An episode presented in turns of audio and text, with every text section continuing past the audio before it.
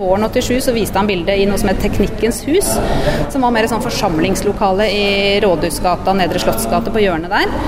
Og Da fant han en stor sal hvor bildet ble vist. Og det strømmet på med folk. Mange fra arbeiderklassen følte at dette var noe som engasjerte dem, for det var jo fattige folk og kvinner i deres omgangskrets som hadde falt utenfor, ikke sant.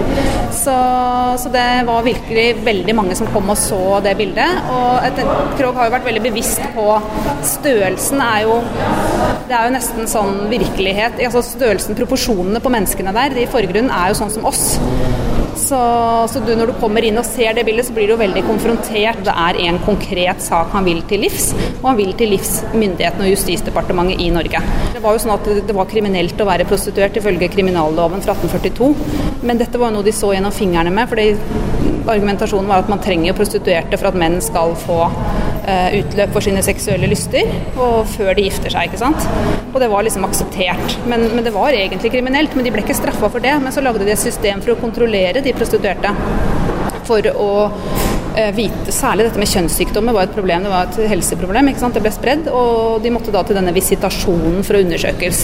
Det var den ene delen av det, var dette med kjønnssykdommer, men det var også det å kontrollere. sånn at de ville ikke, de, Etter hvert det ble jo strengere og strengere regler, sånn at de fikk ikke lov til å bevege seg på Karl Johan til visse tider f.eks. Og det handler også om det med å konfrontere. Hvis du da har vært hos en av disse damene, og så kommer du nedover Karl Johan med kona di, og så møter du kanskje henne ja.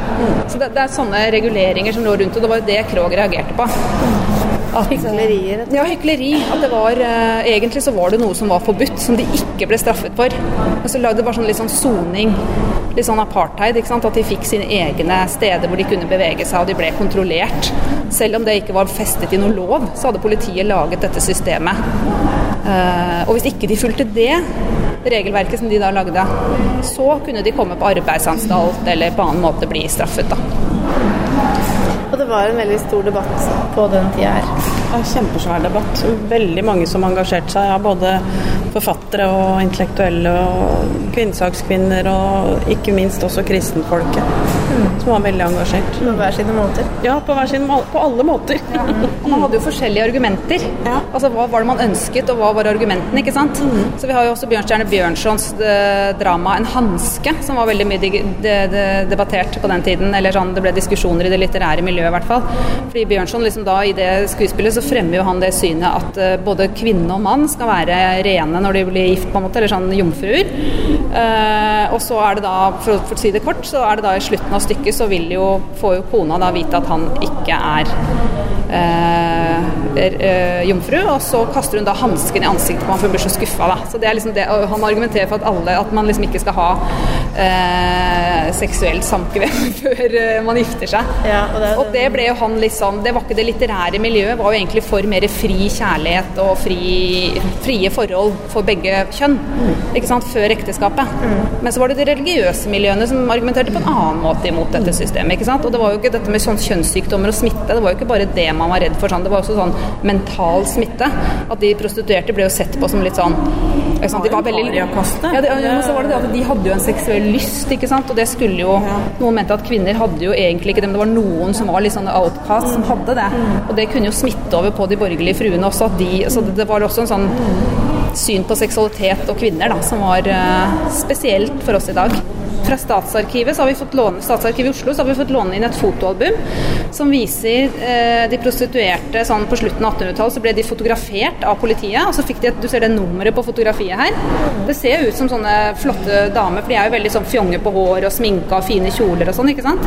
Men det nummeret avslører at dette her er prostituerte som har et nummer og er ført inn i protokollene hos politiet. Eh, men i hvert fall disse protokollene her henger jo sammen med fotoalbum. Da hadde de eh, visuell dokumentasjon av det. Politiet på den tiden de begynte jo å fotografere og dokumentere kriminelle. Så andre kriminelle ble jo også dokumentert, men det var annen type fotografi. Det ble gjerne tatt bilde av i profil og anfass.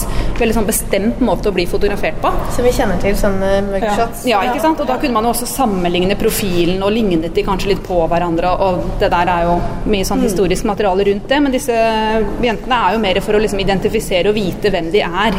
Mm.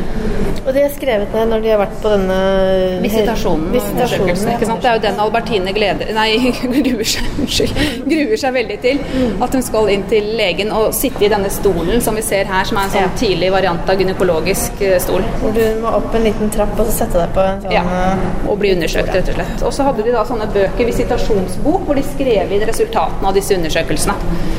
Så det var et ganske rått system, og når man ser det her, så skjønner man jo hva Krog reagerte på, at det var eh, ja, det var noe man, et system man aksepterte. Og Og det er jo den dobbeltmoralen og det hykleriet som mm. Det kan jo provosere noen enhver.